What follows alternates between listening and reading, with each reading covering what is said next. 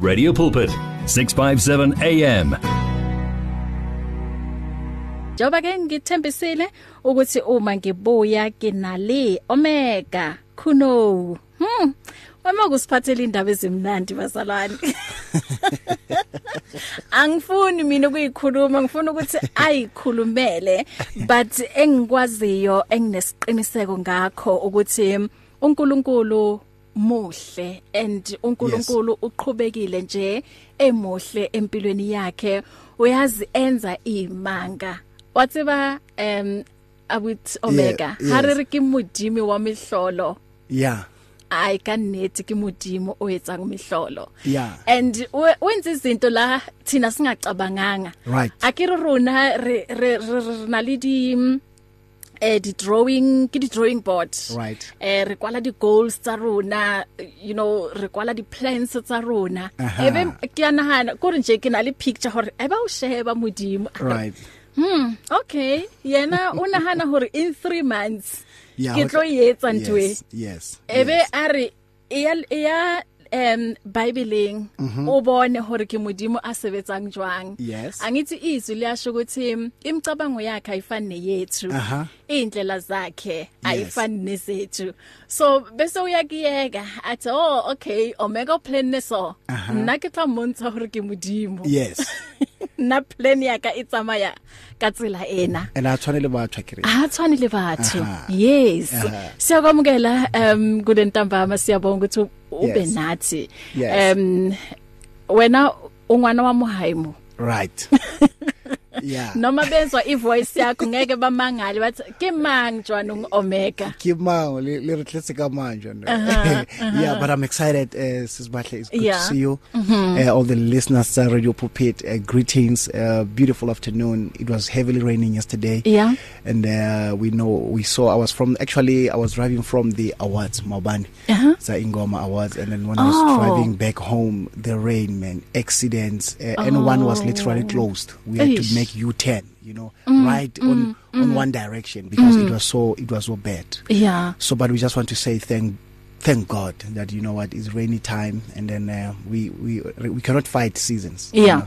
is that season we just have to be careful yes and and and drive careful out there and, mm-hmm. and be safe but greetings we we have a beautiful time today Amen. yeah. yes, yes. Amen. Amen. Before ke sizoxoxa ngicela ukuthi ngindlule la eh ngale WhatsApp message uthi hi bahle the verse the pastor read uthi it blessed me um on on the other time okay to me it was like the prophet had already spoken to God and his faith and belief made him not to go back to the king because he has already poured his pain and concern to God with why you going to that person who is not even a believer uthi it strengthened me that God hears you don't need to cry to people or kings but uh, to God mm okay Thank you so much ngaleyo WhatsApp message bengithi ke ngindlule ngayo ngoba ngizoyikhohlwa besathi ubahle akafundi uh, uh, ama messages wethu isikhathi ke 21 after 3 o'clock rina le Omega eh Kuno um o release a new album right eh restored restored right it- ititle liyayo yes yes yini eku inspireile ukuthi uze ngenye album especially yeah njengoba besibuya kule pandemic yeah abantu abaningi they were stuck yeah. Yeah. and uh, izinto eziningi abakwazanga ukuthi bazenze kodwa wena Yes. we, wa, wa release a new album yes restored is an EP of four songs yeah that when covid started uh, I think around uh, um, May June mm-hmm. uh, I started talking to God and say we are worshippers Yeah. and uh, we will never allow mm-hmm. this pandemic to lock the worship inside and praise inside of us yeah yeah we cannot allow this situation mm. you know we might be locked in our houses yes but worship and praise cannot be locked mm-hmm. and i believed in my heart that when i do the songs they will touch somebody out there mm-hmm. which already i'm receiving testimonies mm. that the songs i've did you know what uh, looks is but i believe that this is an assignment yeah and when when god says release a project mm-hmm. we we these musicians they are not just releasing projects because they are bored, you Yeah. Mm-hmm. know, or they don't have something to do. This is an assignment, and we are touching people's lives out there Yeah. Mm-hmm. through God's grace and mercy. So uh, I released that EP and then restored. It's because um, um, God did a miracle for me, Yeah. you know, and then uh, I, I I dedicated this project restored to Him because uh, for for many years we've been crying to God, me and my wife, and saying, Father, we need a child. Eleven years is my in marriage. Wow. Yeah, since 2008, and then we we got so many miscarriages, and things didn't come together for us, you know, to have a child Yeah. and uh, we kept praying and then we believed god we did what we can do you know you know sometimes god will allow you to do the possibilities Yes. but we leave the impossibilities to him so we tried everything that we wanted to do up until i said to my wife let's just wait on him Wait on him. we have a child for his glory. We don't have a child still. It's for his glory. So let's just uh, love each other, support each other. And then even I, I even stretch the faith of my wife and say, you're going to organize the baby showers at Ichomisa how? You're going to support them. When, Yeah. when they send WhatsApp to you and say, Bona, re na le two months really pregnant. Re tseba gore ba fetse ho nyalana batho ba. We're going to go to their house, pray with them, buy them gifts. Ya ha bana ba bona ba fihla ra ya re ba bone re ba phahamise. Yebo. even at my family my my my, my siblings ba batlang ba ba- ba ko gae ne ba ba ba nyala after nna ba Mm. be le bana and then i will tell them that don't don't don't feel don't feel uh, uh, Bad, he- yeah yes. Mm-hmm. you know what uh, planets are rona di ha di tshwane ho modimo Ho modimo. Oh, Yes. yeah yeah so lona ha e ba le modimo na lebetse re lebetse o nyala today then next month so Mm. e it's it's a keep plan ya modimo Yebo. rona ha re nka 11 years ntse e le plan ya modimo Mm. Amen. we cannot change god Yeah. god is god so i said to my wife i'm going to stretch you you're going to do that Mm. and for years past ratwara first uh, one rabale miscarriage Mm. and then hudi jumpa jwalo because uh, it's you know, it's few of them the last Yeah. one in a relay 6 months you know when when when when we got that miscarriage and i was on my way to minister go with, go with bank when my wife said i'm feeling pain i had to take her to the hospital and then when i was waiting to hear or maybe nearly fell a minor pain the doctor came to me and i could see his face or no no no something is wrong here says but i'm wearing a suit that time the guy is out like uh, i'm going to Witbank, i'm going to minister the doctor brings a message and say to you you just lost a child Oh. and what do you do you know that's when you you you you, you look at pain and you look at worship and you say do i go with my pain now and then or do i say you are still god Yeah. you know and then i had to go to the room when my wife and thing i look at her and i said you know what i'm not going to say anything to you now i'm just here to say you i'm going to minister she couldn't understand i said i'm going to minister and when i come back i will ask the doctors to give me that yeah, opportunity to come and see you again Yeah. and I went to Witbank. I went and sing and and I broke my heart to God and it was packed and then I just had to sing, you know, Yeah. the pain out and worship God and say, Lord, even through this pain, um o ne mpromise ngwana ke yona a le sa fihlile a le a le 6 months harampa mare ke yo hape re ra ra mo loser a o ntse o le modimo tje le mo maemong a you know those are the questions that you ask gore mare e ka ke o binela ke o tshepetse ke tshepisitse ha kana go na le batho ba ba ba nromellang melaetsa ba re omega ne re le ko hospital re utlweletse pina ya hao e re busa Yeah. ya re utlweletse o duma malobeke ngwana rona na le a kula mara ha re rapela as family re rapelela ngwana o ngwana o a fola ka worship ya hao nna ke loser ngwana ka mo Hey. and I, you you I can imagine. Yeah. I can imagine. yeah Mm. Kodwa into okuwukuthi em ngiyayiqaphela kuwena Yeah. ukuthi ukholo lwakho azange lwehle ukuthi you know why namudimo right because esikhathini esiningi siba nawo lowo mbuzo and then hayise wena tshwantse ibe mang tlamile e be mang tlamele ibe mang yeah and you know uNkulunkulu uyasazi singabantwana bakhe right he knew ukuthi uOmega uzokwazi ukuthi ame aqine kanye nonkosikazi wakhe correct and ukholo lwakho uyazi lwanyuka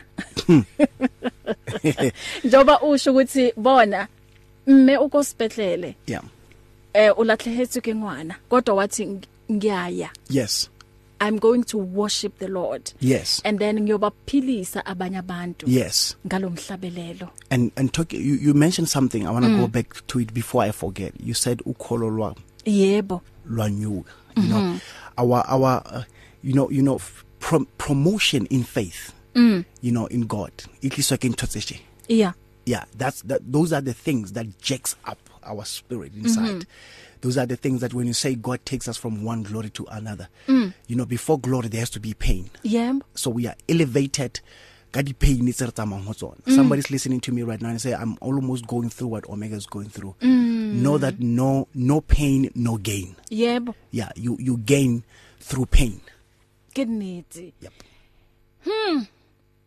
what a powerful Yeah. testimony Many people across South Africa are being blessed and encouraged by the Radio Pulpit devotional magazine, The Word for Today. This publication places the gospel of Jesus Christ in the hands of more than 100,000 people every day, inspiring every person, from the professional businessman to the needy person who lives on the streets. Each edition contains daily scripture based devotionals and inspiring articles to help you grow spiritually.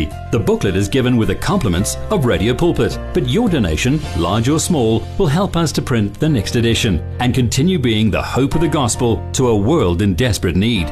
The word for today. Get yours today on 012 334 1200 or subscribe online at www.radiopulpit.co.za. Radio Pulpit, your daily companion.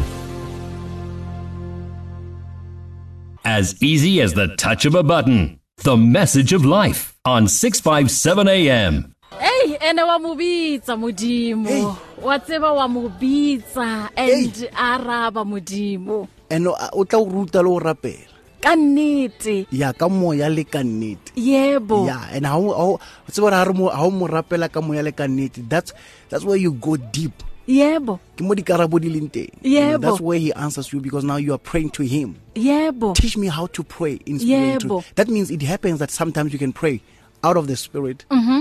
not even in truth mm-hmm.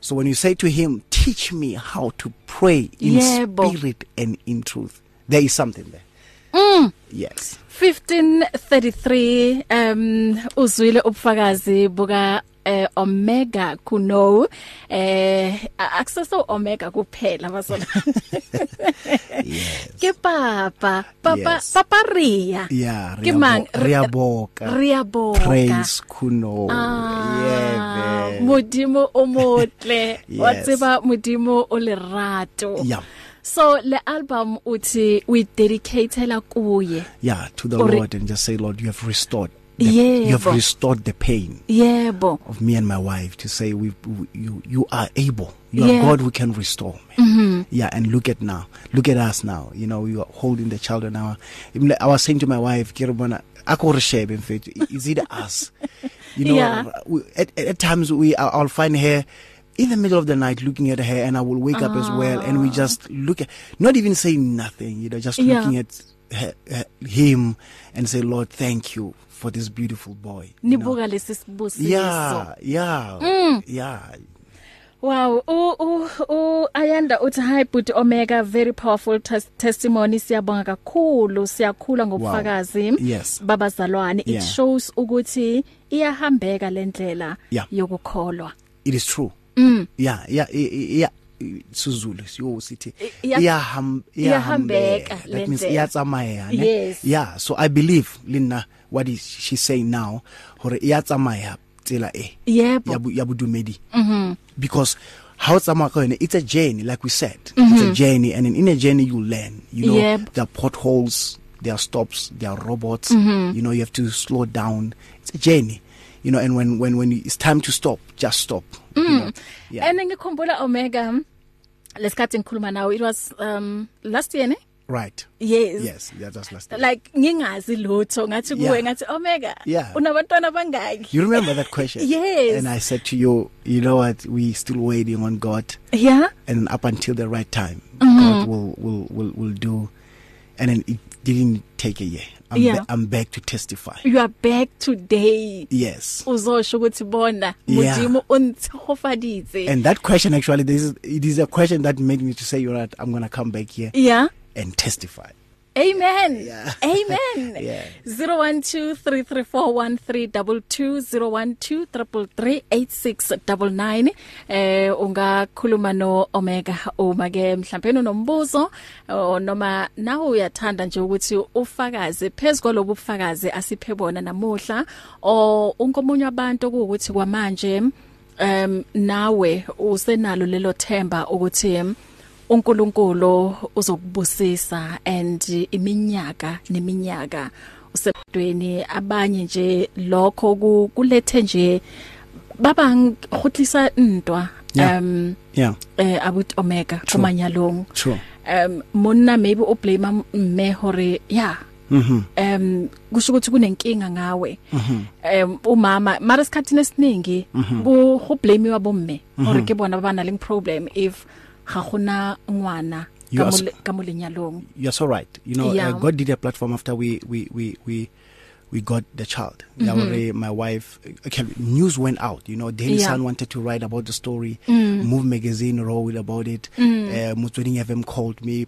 And then Tobela FM as well, they called me. And Yeah. ya Tobela Con- ya ya Tobela FM, ke yone ne le so sensitive because that time ha ne ba interviewer Mm. ne se uh, uh, uh, the program ya ya ya gospel Mm. so it was just general yeah yeah and then your calls that came in Yeah. Mm. ntotso di buang gore you know what ntate ke yona wa nsotla ka tlung o re ha ke be le le bana Mm. and then rona le my wife ha re responda ra ba botsa gore na a ntate wena o ile wa ile o checka na because Yes. it takes the two you know, Yebo. you know and then gore o mo supporta emotional are Mm. you are you consulting with doctors and so on it is not the matter gore because ke mosali tlamehile a kere bana fela wena kante ha o tsebe gore wena o le ntate a na Yes. wa motlisa ngwana to go to the womb na so those are the sensitive issues that we spoke about and then Mm-hmm. eh, well I, I'm, we're not going to go into that but we we here to come and, and say with us God did it but amen it takes the two you know you must you Mm-hmm. have to support each other pray with one another now i told my wife kere na ha ka o nyalla batho ba ko hae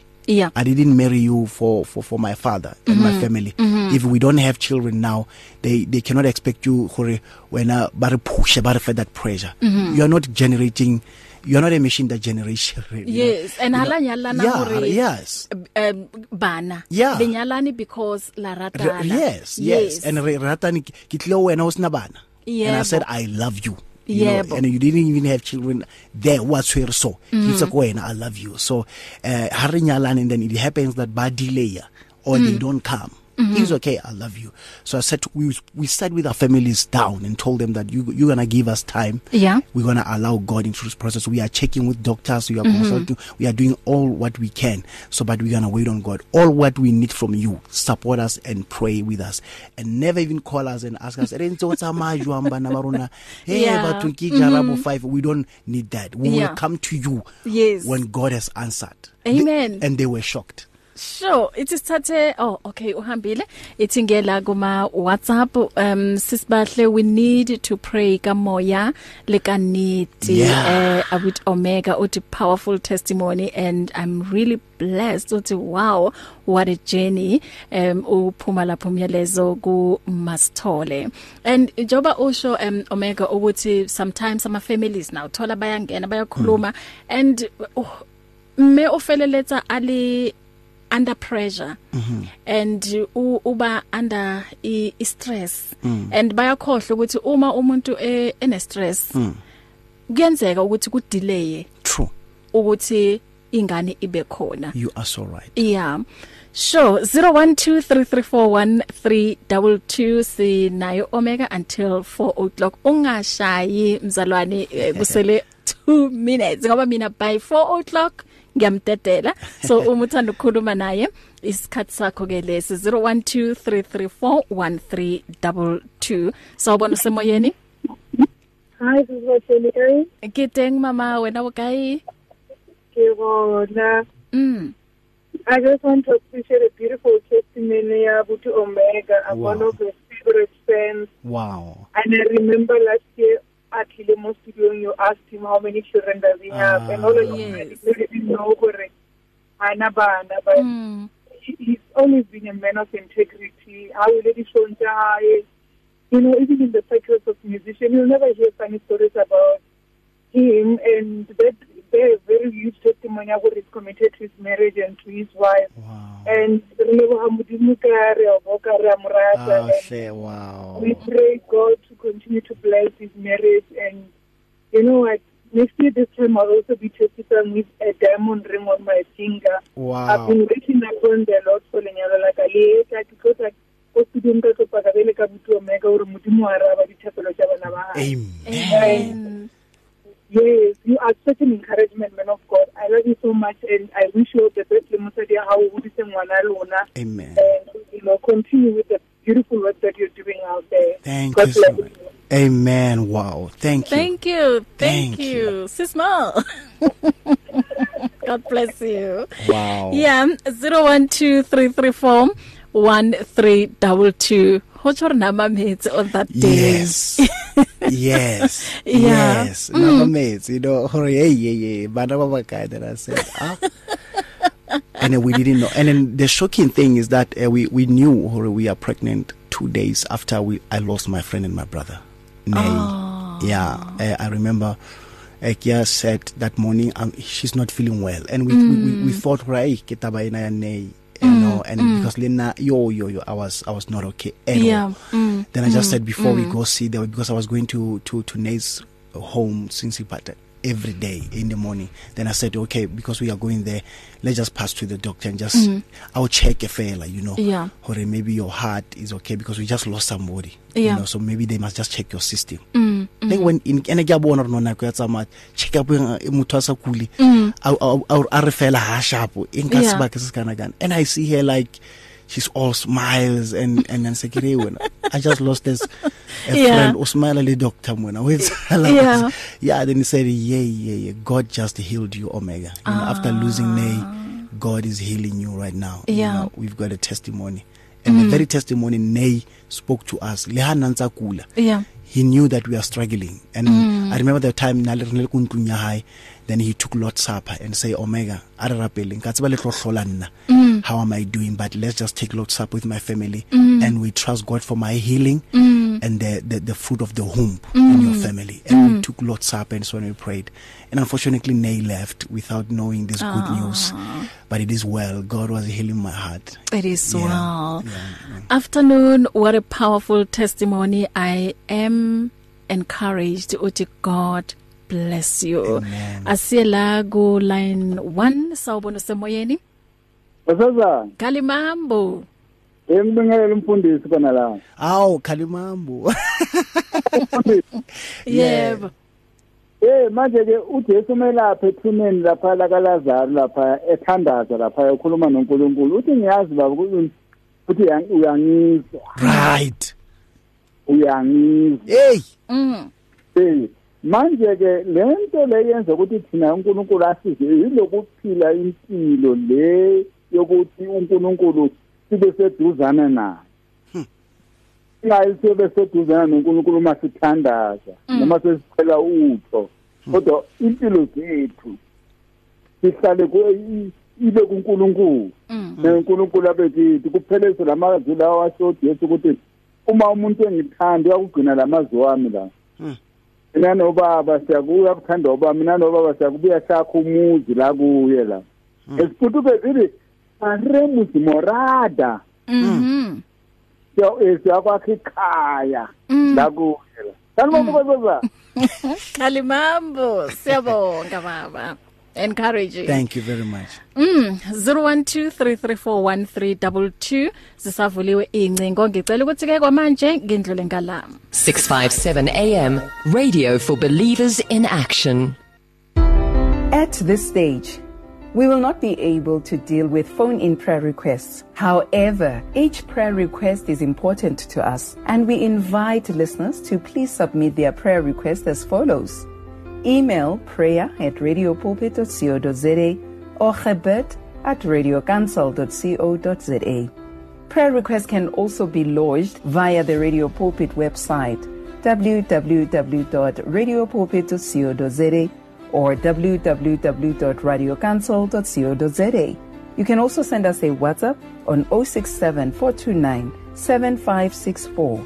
Although we will not be able to give detailed feedback on requests, please be assured that our network of prayer partners will pray for each and every request.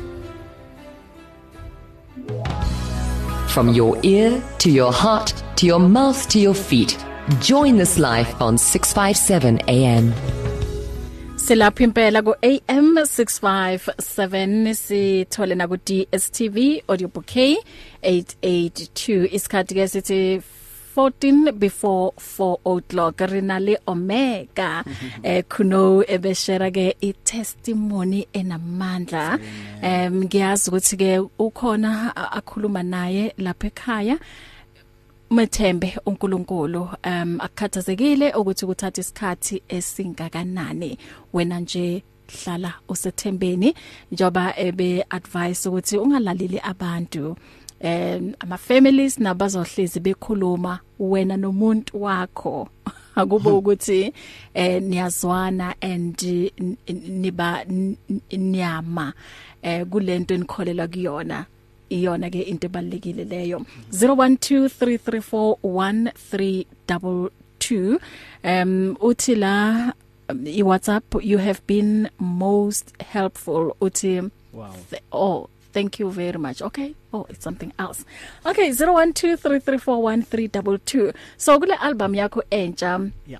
um inengoma ezu4 Yes. i message ithini kule album Yeah. Um, the first uh, song, uh, it says, um, Bona Ngohlaile Maru. You know, Bona Ngohlaile Maru is it's, it's a hymn. yeah Yeah. I, I I I made a vow that every project I will do, I will Yeah. have a hymn yeah Mm-hmm. in that project. So Bona Ngohlaile Maru ya shwetseng batho bohle. Mm-hmm. O tla khutla le hodimo.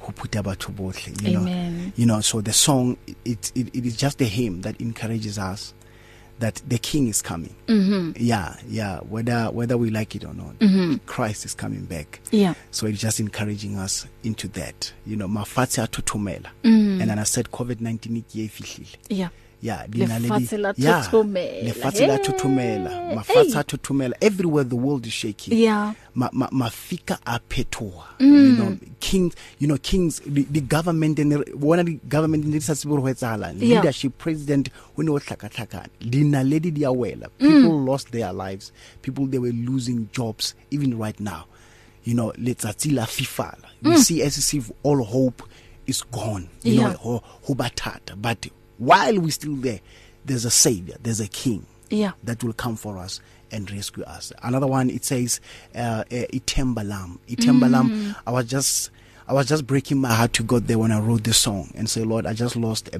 a good friend.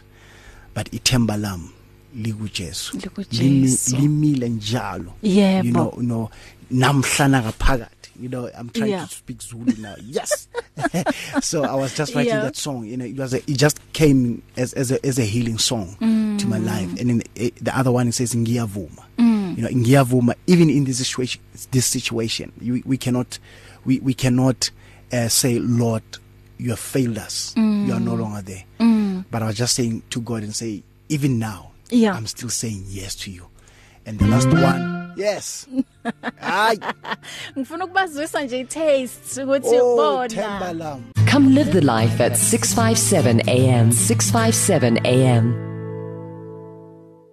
Oh ungoJehova ongaguquki ungoJehova ongashintshi nguyena namuhla izolo naphakade 0123341322 khuluma ke no Omega nginayi la e studio um ebesharela nje ubu- ngobukhulu bukaJehova umbonile empilweni yakhe kanti usazoqhubeka embona 0123341322 ungashayela na ku 0123338699 noma uthumele ivoice note ku 0826572729 iSMS nayo iyasebenza ku 37871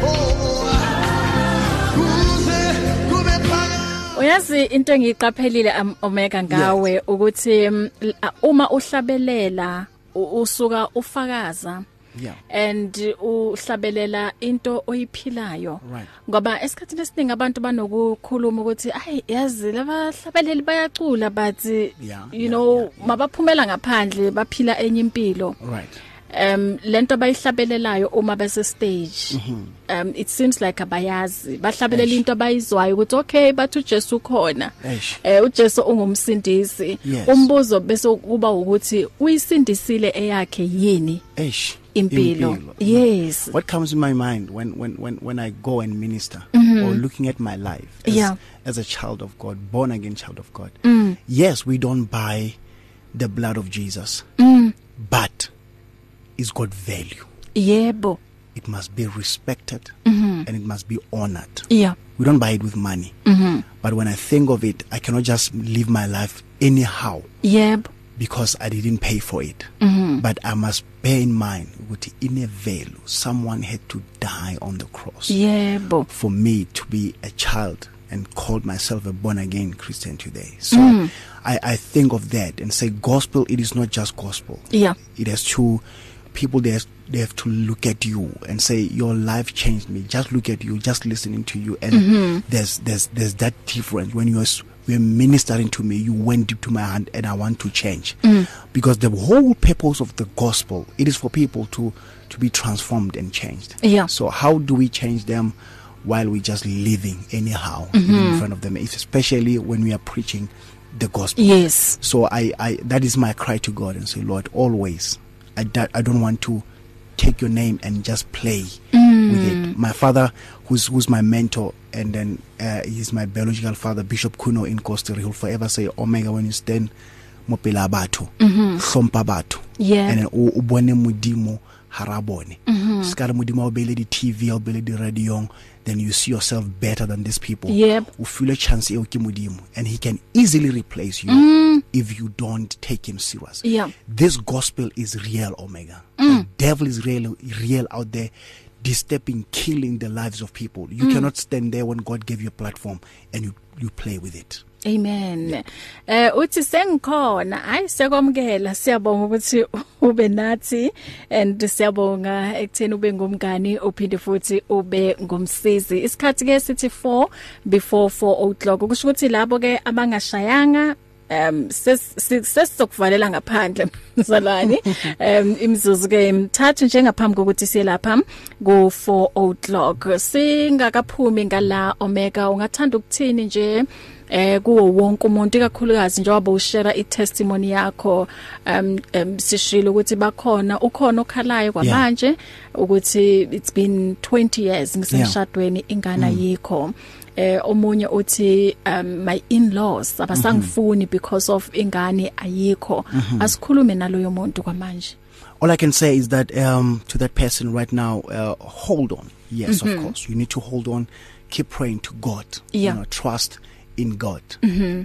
Wila wila aitsetsa Abraham yebo ali 99 years. Mm. Nekile man na Omega ka 11 years. Mm. So nakere huena no eh dula mangole khaitsedi aka. You know, uh, your husband must support you. yeah husband your wife must support you be Yeah. yeah. together ke a ke a dumela gore tumelo ya lona le le two e ka change your story tomorrow amen your faith can Yes. yes. change your story tomorrow and say lord you did it for us and i will mm. say as i close whatever that you are going through right now it is happening there for a reason amen and then tomorrow it will make sense yeah why you are going through this right mm-hmm. now. You might not get questions answers now or why nna ke sokotse ka bana.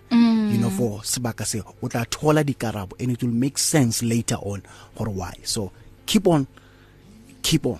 keep on Don't- keeping on Yeah, keeping on and then keep your Yebo. faith. you know. Yebo. Mm. Yes. yes. ngenhliziyo yami so lana uthi uyavuma ngiyavuma ngenhliziyo yakho ngiyavuma yeah because sometimes re dumela fela ka melomo yeah mara taba e pelong pelong yes out of the abundance of the heart Mm. my mouth will speak gore nna ke a dumela amen covid e ntlhatsetseng ke le di-gig Ah. Mm. kaofela tšhelete ga e kene mare modimo pelo yaka ntse ke re ya- ke a dumela Yeah. ontso o tsho o morena wa marena ha yeah. yo ya tshwanang le wena and ha o tsho jalo re le covid 19 ha e tshwane le wena le e ka se o fetole gore o modimo Amen. Mm. ha ona ntho e ka fetolang modimo yes gore ha o be le bana ha e change gore ke modimo he is Amen. still god Be doers of the word with 657 AM. Sounds of life. Oh vuma vuma vuma ngenhliziyo yakho ezinye zeingoma oz- ongayithola ke kule EP ka Omega Kuno ebizwa ukuthi Restored uthe full album iseza yeah next year uh, that's when i'll be working on my full project as a live Yeah. dvd recording they will get uh, that invitation ukuthi ngiyirecordela kuphi and all Mm-hmm. that but this one is available on all digital platforms Wow. Mm-hmm. your amazon itunes yeah google play it's there you can get it just go there and say omega kuno restored and Amen. Mm. Eh, you'll get these beautiful songs amen and bathola kuphi mhlambe nabangathanda ukuthi uzobavakashela emasontweni wabo Right, yeah. eh banama kune concerts Yeah. events yeah Yeah. bakuthola kuphi those who are blessed they will get bahle and then otlabafa the number and direct them to say you know what uh, bahle we hear you talking to Omega Yeah. especially pastors I know that they say yeah, get us this but okay pastors bahle's got my numbers and Uh, bangihluphile last Yeah. time oh, ula Really? ngivele ngithi forward yeah forward khuluma naye yeah, yeah yeah so they they, they, they, will, they Yeah. will approach you but uh, they can or they can just email me to omega kuno Yeah. one word omega kuno at gmail.com or they can just inbox me to my inbox mm. omega kuno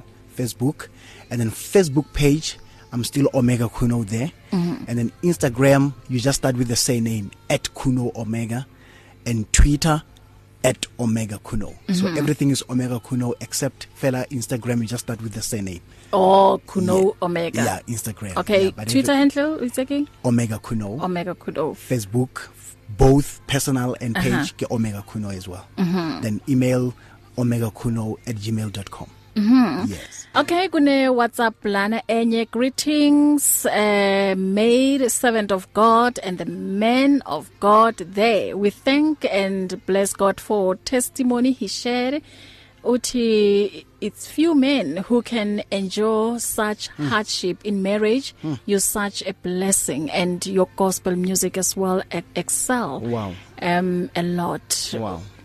thank you Thank you so much. Mm-hmm. That's so true. omega Yeah. uzobuya futhi ngenye testimony Very soon.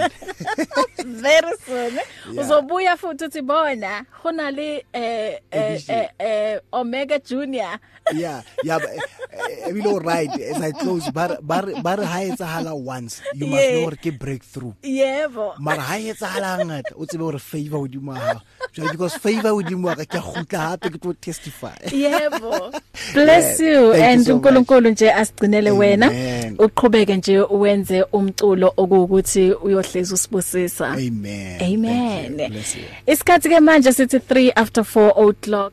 Um itsingenze kanje and uma ke ngibuya bakhona abafundisi sizongena kwi discussion yethu yosuku siboka the gift of prophecy today ngikanye no Reverend Fezile Maqaqa and ukhona nomfundisi uAaron Velem ngicela ungalinyakazisa iphondo aliqhubeke lihlale ku AM 657 ngizobuya ke um nabo emveni kwalomhlabelelo Feel the pulse of the real life on 657 AM. 657 AM. The sounds of your life. Share our passion for life on 657 AM.